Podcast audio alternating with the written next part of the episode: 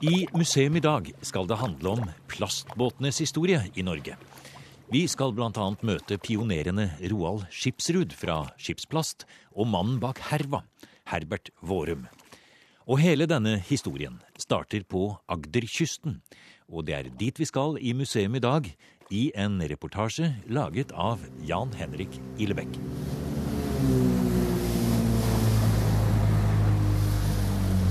Nå sitter vi da i en lyseblå, gammel, snart 50 år. Eh, Selco Selflit heter den, og den tror jeg vi kan si er fra gullalderen.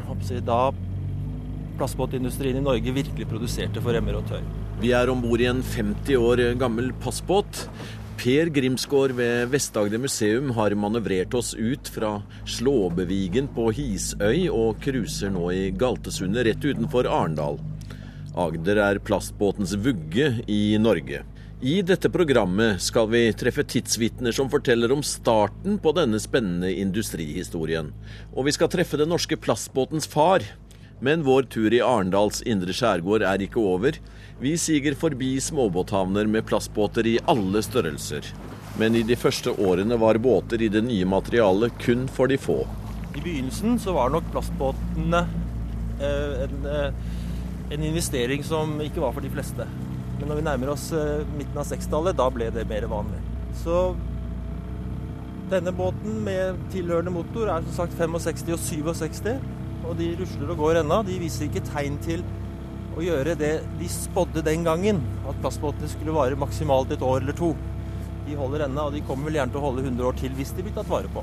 Og For Vest-Agder-museet så er det et, eh, en viktig drahjelp om vi kan få privatpersoner til å være med og ta vare på denne historien. For vi kan ikke ta vare på gjenstandsomfanget her. Selv om vi har store planer om en uh, museumshavn i Kristiansand, hvor det også skal være plastbåter, norske plastbåter, så, så kan ikke vi drifte det å Eller holde, ha, kjøpe, skaffe et stort utvalg av norske plastbåtmodeller. Vi må uh, håpe på at de private også kan være med der.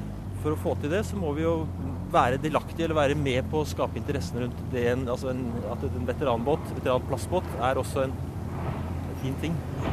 Vi er jo en landsdel hvor det er blitt produsert mye båter opp igjennom. Alt altså fra seilskutene. Det var jo veldig stort. Og når man gikk over til plastbåtproduksjon, så trengte man jo fortsatt en båtbygger. Man trengte fortsatt noen som kunne se linjene i en båt og forstå en båt, egentlig, på, på konstruksjonsstadiet.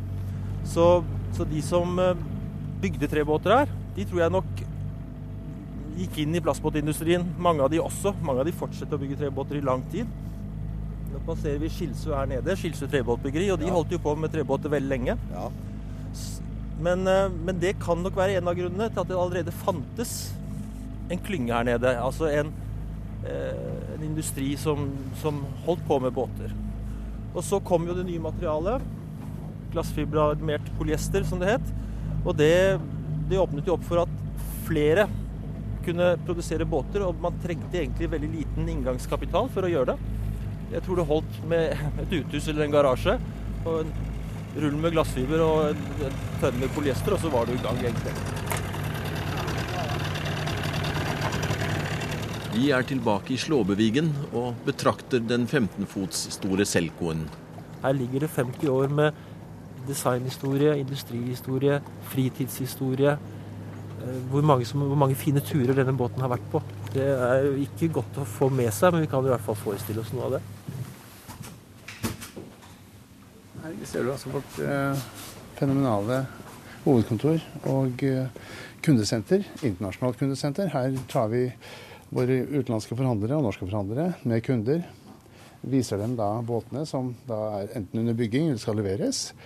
Og ligger da rett ved elven. Så, og det er presentabelt. Det er diskré og eh, asketisk bygget, men eh, det er jo elegabelt. Som Så, båten, vil vel du si? Som båten vil jeg si. Absolutt.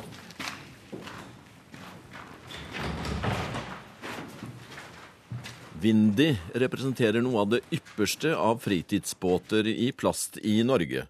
Vi er på verftet ved munningen av Nidelv i Arendal, hvor administrerende direktør Knut Heiberg Andersen viser oss rundt. Jo, eh, dette er jo da eh, det opprinnelige produksjonsbygget. Det ser litt annerledes ut i dag, men her startet da Hugo Wold i 1966-67. Eh, Arendal Plastindustri, APAS. Eh, han var foregangsmannen for Windy og var en eh, visjonær. Eh, som det var flere av på den tiden. Herbert Vorum var jo den gangen i full gang. og Roald Skipsrud på, på, på, Evje. Og det var mange hva skal jeg si, visjonære gründere i norsk båtbransje. Dette er jo båtbransjens vugge på mange måter. Men eh, hvordan greide en eh, så relativt ung bransje å komme seg så fort eh, ut på eksportmarkedene? De, de dro til Frankrike på våren og sommeren på 60-tallet. Tidlig 60-tall, kanskje 64, 65, 66. Og så der nede og traff da folk som var i båtbransjen. Og gjennom da kan du si, Det var en market research de gjorde. De så hvilken type båt var det som passet her nede. Og vi, De kom jo fra snekkerlandet Norge. Ja. Det var jo snekker, det var tresnekker, og det var plastsnekker, og det var ikke sant, det var herva. Og de så da at jo, der nede var det plass for små, raske daycruisere, stor cockpit, stor solseng bak. En liten såkalt cuddy cabin, en liten kabin med en, en soveplass. Kanskje sågar et sånn portapotty toalett. For at de kunne komme ut til øyene og komme seg ut fra varmen og ut ja, og, og, og, ankre opp. Ja. Det var båten. Ja. Og de gikk hjem, og dette bygde de. Og de fikk jo en formidabel suksess. Og de ble jo markedsledere. Og det som Hugo fokuserte på, han fokuserte på eksporten. Først Frankrike, så Sveits, deretter Tyskland. Og så kom Norge da, selvfølgelig, nærmest eh, litt etter. Og til å begynne med så lå jo eksportandelen på oppi 90 og, og, Norge fikk altså da eh, hva skal jeg si, en posisjon, en dominans på eksportmarkedene som var nærmest uforlignelig på, på, på, dette tidspunktet. Nå kom jo ikke bare glassfiberarmert polyester til eh, Norge, så hva var det med de norske båtene som slo så godt an? Det er jo tydelig det at norske båter har noe hva skal jeg si, ubeskrivelig ved seg, noe mytisk ved seg, som markedene har oppfattet. Eh, og vi er en sjøfarende nasjon. Vi er kjent for at vi fra vikingtiden Jeg har jo alltid syntes at det har vært litt sånn krampaktig å ta med seg, men, men der tror jeg jeg har tatt feil. I den forstand at det, det er faktisk noe sterkt mytisk. Altså, vi har jo et emosjonelt produkt. Dette er en emosjonell verden. Vi har ikke så stor behovsdekning, men vi, har, vi dekker store emosjonelle ønsker og drømmer. Og da kommer det mytiske ganske sterkt inn. Uh, og uh, vi, vi, vi, føler jo det at vi, vi, er kanskje litt sånne kultur... Vi bringer dette her litt ja. videre. Ja, det må jeg si. Og, og, den stoltheten som veldig som preger norske båtbyggere den dag i dag, eh, det, det merker jo markedene. Det merker kundene. Ja. Eh, og det har vært et sterkt argument eh, og salgsargument for oss gjennom de siste 50 årene. Ja, den var gammel. Har du sett? Her ligger de. Per eh, Grimsgård ved Vest-Agder-museet og jeg, vi er nå på, på vei rett inn i landet fra, fra Arendal. Vi skal til eh, Evje og til uh, Roald Skipsrud. Roald Skipsrud og skipsplast. Og skipsplast. Det er jo litt pussig å kjøre innover. Nå har vi kjørt noen mil ja. innover, og vi står midt på heia nå. Ja, Og du så en plastbåt og sa den må vi stoppe på og dunke litt på. For må vi bort og se litt hva det er for noe. Ja, Får dunke en gang til. Ja, men det står jo ikke noe Her er det nesten som man skulle løfte opp og se. Den ligger jo hvelva. Og det, er jo ikke noe, det står jo ikke noe logo på lenger. Men er det, det åtte fot, eller? Åtte fot og utrolig brei. Ja. Og helt flat i bånn. Vi har kjørt 85 km fra Arendal rett inn i landet til Evje, og er i utstillingshallen til Roald Skipsrud. 75-åringen representerer kontinuiteten i norsk plastbåthistorie. Familiebedriften Skipsplast har drevet uten opphold siden 1957, og vi står foran den første modellen, og den skinner i all sin prakt. Denne båten fikk vi kjøpt tilbake igjen fra Holland Dvs. Si vi bytta vel med en uh, ny 18-foter. Og den skulle vi da ha i forbindelse med 50-årsjubileet, som var i 2007. Og det er en uh... Det er en 15-foter med mahognidekk, og den representerer begynnelsen på skipsplast. Og denne formen som den da har på skroget, denne akterenden her, det var det klassiske på en, en, en racerbåt i sin tid. Ja. Og noe av dette som jeg ønsker å ha. Og eh, jeg må vel kanskje si at eh, jeg har vært mer opptatt av å lage produktet sånn som jeg har hatt lyst til at det skulle eh, se ut når det gjaldt design. Jeg kunne nok kanskje ha vært mer taktisk hvis jeg virkelig hadde satt båtproduksjon som første ønske, og kanskje dette med formgivning som nummer to. Men jeg hadde bare lyst til å ha det sånn som det er. Ja. ja hva hadde du egentlig lyst til når du begynte? Jeg hadde lyst til å lage en uh, hurtiggående båt for påhengsmotor. Fra jeg var ganske liten gutt, så hadde jeg et et amerikansk magasin som var oversatt i Danmark, som het Populær mekanikk. Og eh, der så jeg nok noe av dette. Og der var òg omtalt kunstharpiks, som jo da var et annet ord for glassfiber og polyester. Men det var et nytt materiale den gangen? Ja, til de grader. Det var jo Herbert Vårum som eh, bringte glassfiberpolyester hit til landet da i forbindelse med båtproduksjon. Når du ser på den her nå, da, er, er, du, er du, fortsatt fornøyd med den? Er, du, er det godt å se på den, syns du? Ja. Så jeg var jo nede rett ved festningen i Kristiansand og prøvekjørte den 25.10 i, i 57. Og da var jeg just fylt 19 år.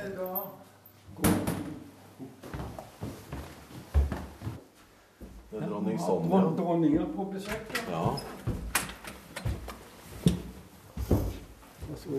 Ja, rett inn her, ja.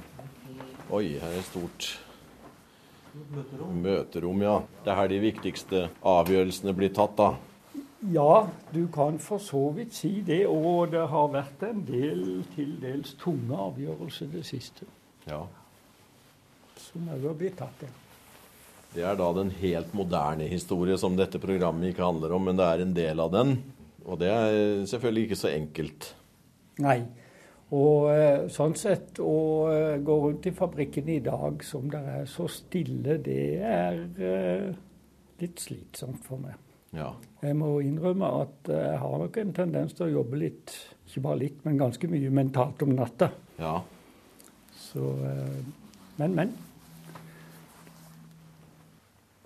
Selv om, selv om det er liksom kanskje kommet eh, til et, eh, en kapittelslutt når det gjelder båtproduksjon i Norge, altså, så kommer et nytt kapittel, det er jeg helt sikker på, mm. så er det noe slik at det er 60 år siden de begynte de første. Og det er viktig å ta vare på den historien. Og da er jo Roald et veldig godt eksempel, fordi han har tatt vare på så mye. Han har ja. tatt vare på så utrolig mye og kan fortelle mye. Han kan lære oss mye. Og så har denne bedriften da vedvart uh, uten avbrudd helt fra den fine kremgule båten vi har sett på nede, ja. til uh, dags dato. 57, ja. Ja, jeg har tatt vare på veldig mye. Er her er gamle lønningslister og alt mulig, har jeg forstått. Ja. Det er jo et fantastisk materiale med tanke på å formidle og forske på den historien. Så når Roald har tatt vare på fotografier som gikk til brosjyrer, tatt vare på brosjyrene, tatt vare på fabrikkens indre liv, ned til lønningslister og til hvem man solgte båtene til, til hvem skipsplass solgte båtene til, vi får et så komplett bilde av en typisk representant for denne industrien, som plastbåtindustrien var, som skipsplast var for plastbåtindustrien. Og det er ikke så mange det er ikke så mange så ubrutte arkiver igjen som dette.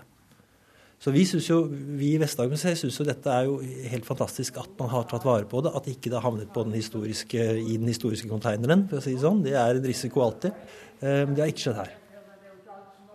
Roald Skipsrud har nå donert sin aller første selvbygde båt og hele Skipsplast sitt arkiv til Vest-Agder museum. Ja, ja, arkiv Ja, ja, arkiv og arkiv. Det er iallfall noe vi har spart på, og der, der er jo enormt mye her. Det er alltid greit å vite hva båtene kosta i 1968. Ja, veiledende utsalgspriser. Nå kan vi si det til lytterne våre at en 16,5 fot uh, Seamaster standard kosta kroner 10 800 kroner. Hva ville den ha kosta i dag, tror du, sånn tilsvarende? ja, nå var det 16 Ja, for eksempel. Ja. Ja, ja. ja. Uh, ja, ja. Det var vel kanskje å ta godt i det. Men, men vi, har, vi, har, jo uh, kalkyle tilbake igjen fra 58. Ja. Da var timelønna på en montør 4,78. Det er jo noen ganger mer i dag. 4 kroner 78 øre for timen. Mm. Og så kosta polyesteren den gang 6,75 per kilo. Polyesteren har vel uh, fordobla seg godt og vel. Det er jo et uttrykk for at det er arbeidskostnadene som eh, Nett, er det tunge her. Ja, nettopp. Nettopp. Og det er jo da òg derfor at uh, vi i Norge må melde pass i denne bransjen. For det er jo arbeidskrevende mye av dette. Men hvordan var det for en som da har jobba med tre, og antagelig likte det, og så gå på et kjemisk materiale som jo polyesterglassfiber? Hvordan var det? Det var jo en fantastisk frihet. Fordi at du kan bøye en plate i enkel kurvatur. Når vi nå har glassfiberpolyester, så er det spørsmål om å bygge opp originalen på et eller annet vis. Og så kan du lage alle mulige frie former. Dobbeltkurvatur? Ja. Det må du forklare meg. Den der, der eh, Det arket der. Mm. Det har en kurve nå. Ja. Men jeg kan, ikke, jeg kan ikke få det til å bule, bule, ut som et egg. Nei, den andre veien. Jeg skjønner. Ja, ja. Men ball at det er dobbeltkurvatur. Bøye en ting to, to veier. Ja. Og, og, at det ikke blir noen bruddlinjer i det. Riktig. Er det riktig ja, forstått? Det er helt riktig. Ja. I denne reportasjen om plastbåtens historie i Norge er det særlig ett navn som går igjen. Herbert Vårum. Den nå 88 år gamle ingeniøren fra Grimstad regnes som plastbåtens far her i landet. Vi besøker han hjemme i Grimstad, hvor han forteller om sin spennende vei inn i bransjen. Det var i 1945. Krigen var akkurat slutt. Det var altså midt i maidagene i 45. Mm. Så gikk jeg på Den tekniske fagskolen her i byen. Og da ble skolen tilbudt rester av et tysk fly som hadde havarert like utenfor Grimstad. Ja. Et sted som heter Mesel. Og det var slik at eh, det var noen tyske offiserer som hadde funnet ut at det gikk den gale veien med den tyske Wehrmacht. Ja. Og så stjal de et transportfly ned i Danmark og leste det opp med litt egg og litt forskjellige danske varer som de skulle bytte til seg andre ting med her i Norge. Ja. Men så, når de kom over, inn over kysten her, så, så, gikk de tom for bensin. Ja vel. Og så måtte de nødlande på dette jordet. Og da gikk de mot en stolpe og krasja der. Og jeg tror de var åtte, og halvparten ble drept på stedet. De ja. andre kom på sykehus. Ja.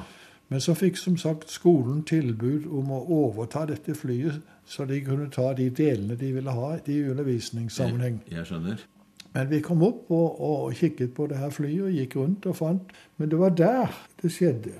At jeg fant noen små biter av pleksiglass som lå i vrakrestene. Og de tok jeg rett og slett og stappa i lomma, for ja. det var bare noen småbiter. Skjønner. Og når jeg kom hjem, så sakte jeg det her med baufil og og, og, og, fant ut å kunne bore i det og håndtere det mekanisk. Samtidig så viste det seg at når du kunne varme det opp til 150 grader, så ja. kunne du bøye dette og forme det til som du ville.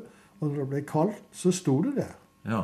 Og dette var jo et materiale som en 24 år gammel uh, gutt syntes jo var fantastisk. Ja. Så, fra da av fikk jeg en interesse for plast som jeg aldri har blitt kvitt resten av livet. Utrolig. Ja, det var Tilfeldig. Det var veldig. Ja. Så det gjorde at jeg med en gang søkte meg jobb i en plastfabrikk borte i Skien. Men eh, sjefen der han var dessverre ikke så veldig orientert, og, så det var ikke så veldig mye å, å lære der. Men han hadde dette fagtidsskriftet som heter Modern Plastic. Ja. Og, og det fikk jeg låne, og, der eh, leste jeg jeg bodde jo på hybel der borte vet du, og hadde Riktig. god tid, så jeg, Ja. jeg leste mye om det her. Og kjærligheten til plasten den økte etter hvert som jeg ble informert. ja. Så til slutt så sa jeg opp jobben, og så var jeg da amerikansk statsborger, for jeg var født i Amerika. Ja vel. Så jeg kunne gå inn til ambassaden i Oslo og få meg et pass. Riktig. Og, og reiste til Amerika da for å, for å lære mer om plastteknologi. Og øh, var rundt på forskjellige fabrikker og, og fikk en ganske god innsikt i, i dette. Nå hadde Herbert Vårum virkelig fått øynene opp for plastmateriale. Fra før av hadde han lært båtbyggerkunsten hjemme i Grimstad. Og da han for første gang i sitt liv så plastbåter på båtutstillingen i New York i 1950, da fikk den unge ingeniøren det travelt. Og det syns jo jeg var veldig spennende og interessant. Ja. Og derfor så snakka jeg med de folkene som produserte de, og ble liksom litt eh, orientert gjennom det. Så når jeg kom hjem, så fortalte jeg direktøren i Nordisk Formstoff at eh, dette med plastbåter var noe som kom, og vi burde snarest mulig komme i gang med det. ja, akkurat. Men så sier han det at ja, det er jeg enig i det, men vi har så mange oppgaver som du må først løse her. Så du må hjelpe oss med det først. Ja. Men så i 53 så hadde uten at jeg visste det, så hadde han avtalt med Ankas treskipsbyggeri i Arendal at de lagde en plugg. ja. Dvs. Si en, En, en tremodell, slik som båten skulle se ut utvendig. som man da støper en form av. Riktig. Og så kan man Så Støpe kan man båt. døpe båt på det, ja. Og det gjorde vi. Vi støpte den båten. Den, fikk, den tremmodellen, pluggen, kom til Lillestrøm, og der støpte den her. her. Kan du bare beskrive den båten? Hvor stor var den? Eh, Han var ti fot, Ja, og den står på Teknisk museum i Oslo nå. det gjør den. Vi har lånt den. Den skal jo egentlig til Grimstad når vi en gang får et sjøfartsmuseum her. Ja. Men i mellomtiden så står den der. Og det var jo veldig artig å få lagd den båten og få den få prøvd det hele. Men eh, vi hadde jo lite utstyr, så ser jeg at denne båten her eh, Vi hadde ikke materieller eller maskiner, så jeg kunne få lagd noen tofter og, og greier. Så jeg måtte bare støype dette her inne i, i plast, alt sammen. Ja, så det var en, faktisk eh, Den var fikst ferdig når han var støpt, rett og slett? Ja, det, den var det, altså. Med tofter og Ja da, riktig. eh, eh, Dere prøvde den på vannet, selvfølgelig? Ja, vi prøvde den på vannet, men du vet, du så jeg har ikke fått på åregafler engang. Så vi måtte padle med en padlåre. Men det var et vellykka støp, det første? Eller det fungerte sånn dere hadde Ja, trodd? det fungerte sånn, men disse eh, aksjonærene i Ankers, det var nemlig Fanny Eger og Anders Jare og disse guttene. Ja. Og, og de ville ha en båt i plast som var perfekt både utvendig og innvendig. ja. Så de ville ikke ha en sånn ru overflate så du kunne se var håndstøpt. Skjønner. Så, så de satte det som en betingelse, og da svarte jeg med en gang at det er såpass komplisert å lage den første båten av det, så, så det vil ta litt tid. Mens denne, en slik båt kan vi da lage nokså fort. Og Derfor var det den ble laget Ja. med tradisjonell håndoppleggsmetoden. I 1956 etablerte Herbert Vårum sin egen bedrift, Herva Plast AS i Grimstad. De første årene ble Herva lokomotivet i norsk plastbåtbransje, og like etter starten fikk han uventet drahjelp. Det var nemlig slik at i 1957, var det vel, så skjedde det noe, nemlig at den importlisensen for amerikanske påhengsmotorer, påhengsmotorer Ja. den ble fri.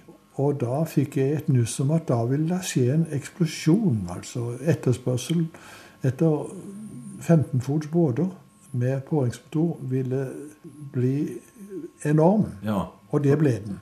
Så det vi, fikk vi lavt en 15 fots båt veldig fort. Da hadde vi en motor på 18 hester, som vi hadde også fått lånt i Kristiansand. for det var ingen som solgte sånne store motorer i Grimstad. Nei. Men vi fikk den på og sa ut og kjørte. Og jeg trodde jeg skulle ha mista pusten, for jeg, vi hadde jo ikke fått på en vindskjerm eller noe sånt. Så, så, det blåste jo slik at jeg følte at jeg mista pusten. Ja. Så det, det, var en helt ny oppfatning for meg å, å, kjøre så fort på vann. Det er ting som ikke vi i dag tenker på. Men Nei. den gangen så, så, var det en revolusjon. Det skjønner jeg. Når disse hurtiggående plastrådene kom. Hadde du forestilt deg en utvikling sånn som den er gått? Nei, jeg, jeg var heldig under besøket i Amerika i 1950 å treffe sjefen i American Cyanamid Company. Og han sa til meg at jeg ville tro at eh, Norge er i en spesiell stilling når det gjelder forholdet til plastbåter. For dere har en veldig lang kyst og har bruk for veldig mange båter. Og jeg ville tro at uh, hvis jeg skulle gi deg et råd, han, så, så, så, bør du sette i gang med nettopp plastbåter. For der vil det komme til å bli et enormt marked i Norge. Og slik ble det. Du har hørt en podkast fra NRK P2.